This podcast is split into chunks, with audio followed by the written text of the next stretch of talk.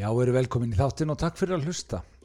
Þetta er svona þáttur sem að er nokkuð tímalauðs, það er alltaf þriðu dagur, svona alla jafna en ég ætla aðeins að breyta út á annanum núna.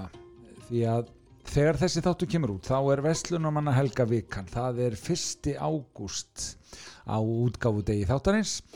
Þannig ef það er nógumber eða janúar þegar þú ert að hlusta þá veistu bara af því. En uh, þátturinn er samt uh, vonandi áheyrilegu fyrir það hvena sem þú hlustar á hann.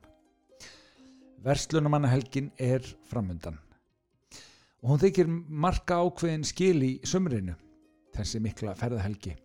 Þá ferður kannski verið úrkula vonarum að íslenska sömari komi yfir leitt eða að sömari ætla að líða á þess að þú hafið gert allt það sem þú ætlaði að gera hinn stjórnlösa byrta sem fylgir íslenska sömrinu hún fer aðeins að víkja fyrir rökkri svona miðnætti og romantíkin svífur heldur betur yfir vötnum.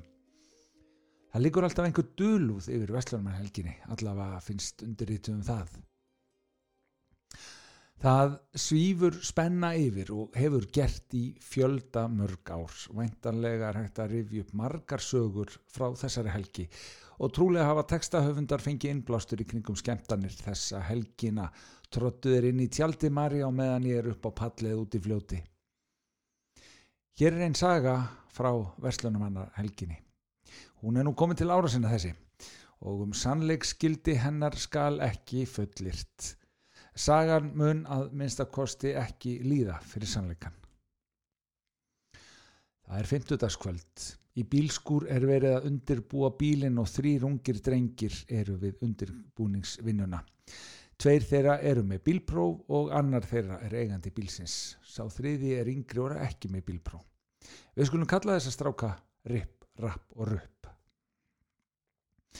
Það þarf að setja betri græjur til þess að hafa stöðið í bílnum og svo eru aðgerðið til þess að viðhalda stöðin um helgina. Smíkla vínunu inn á bindindis háttíðina sem þeir ætla á. Það er nefnilega leitaði í bílnum og allt áfengi sem finnst er gert upptækt. Það er falið undir bílnum í hurðarfölsum eða inn í hurðunum og gott ef ekki í rúðupissunu. Það er eins gott að vera ekki dörla á leiðinni. Föstudags morgun fyrir Veslunumanna helgi. Þeir ripp og rupp vakna snemma en þurfa að fara heim til rapp til þess að vekja hann. Það er allt klást en það svarar ekki heimasíma hjá rapp. Enda fórildræðinni farnir í vinnuna og hann heyrir ekkit í símanum. Það er já alveg duglega fyrir tíma GSM sem að þetta gerist og reyndar meiri sig NM til líka. Þeim tekst að skriðinu gluggan hjá rapp og vekja hann en komast að því hann hefði fengið sér duglega kvöldun áður, þjófstartað og drukki vel úr einni flöskunni sem þeir kiftu sameilega. Á áttu þeir ekki nema fimm til að fara með, bömmer. Föstu dagur hádegi, ripprappur uppleggja af stað höf, frá höfustad Norðurlands, rapp og rupp byrja að drekka í allri spennunni, rennur vínið hratt ofan í það. Í skagafyrinum þurfa rapp og rupp að pissa en ripp segir að það kosti svo mikið bensín að þurfa að stoppa. Þeir ætli bara að stoppa einu sinni við blöndósir bladrannorðin út þannin og þegar kertir í hrútafjörðin eru þeir rapp og rupp argandi í bílnum. Þeir þurfa svo mikið að pissa. Það gefið í og með aðeins nokkura mánaða reynslu á bíl er ripp næstu því búin að strauja framann á fjölskyldu sem kom á móti. Vitaðu ekki að hann er að flýta sér? Í staðaskála stöðvar hinn haksin í bílstjóru og þeir standa gargandi við hlandskálunum og ætla aldrei að hætta að pissa. Föstu dagur síðdegi. Strákarnir koma á áfangastað. Útiháttín var einhver staðar á suðvestu hlutarlandsins og það er alveg ljósta stuðmenn voru að spila þar.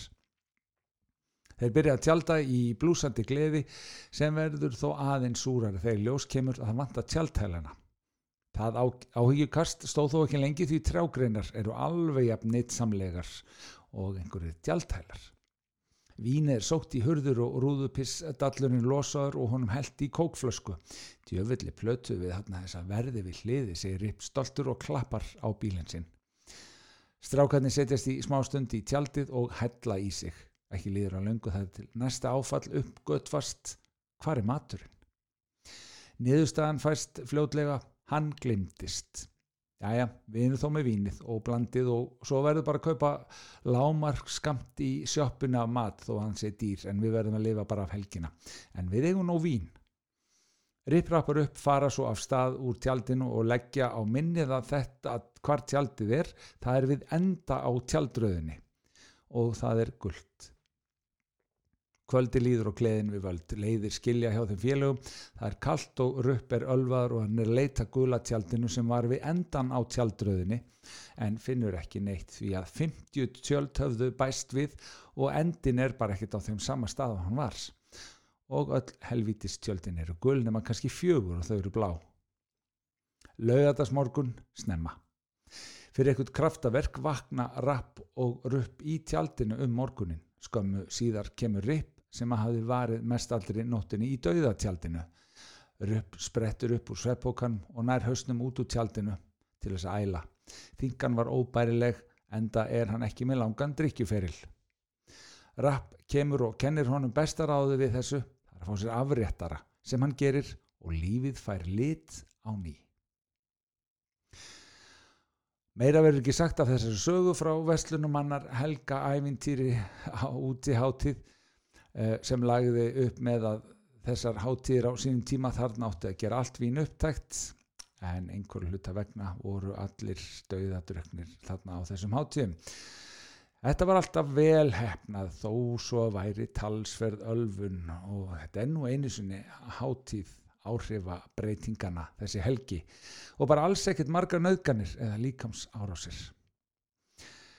Sama hvort að Vestló eða einhver önnur helgi framundan Við skulum ganga hægt um gleðina dyr og Guð verið með ykkur.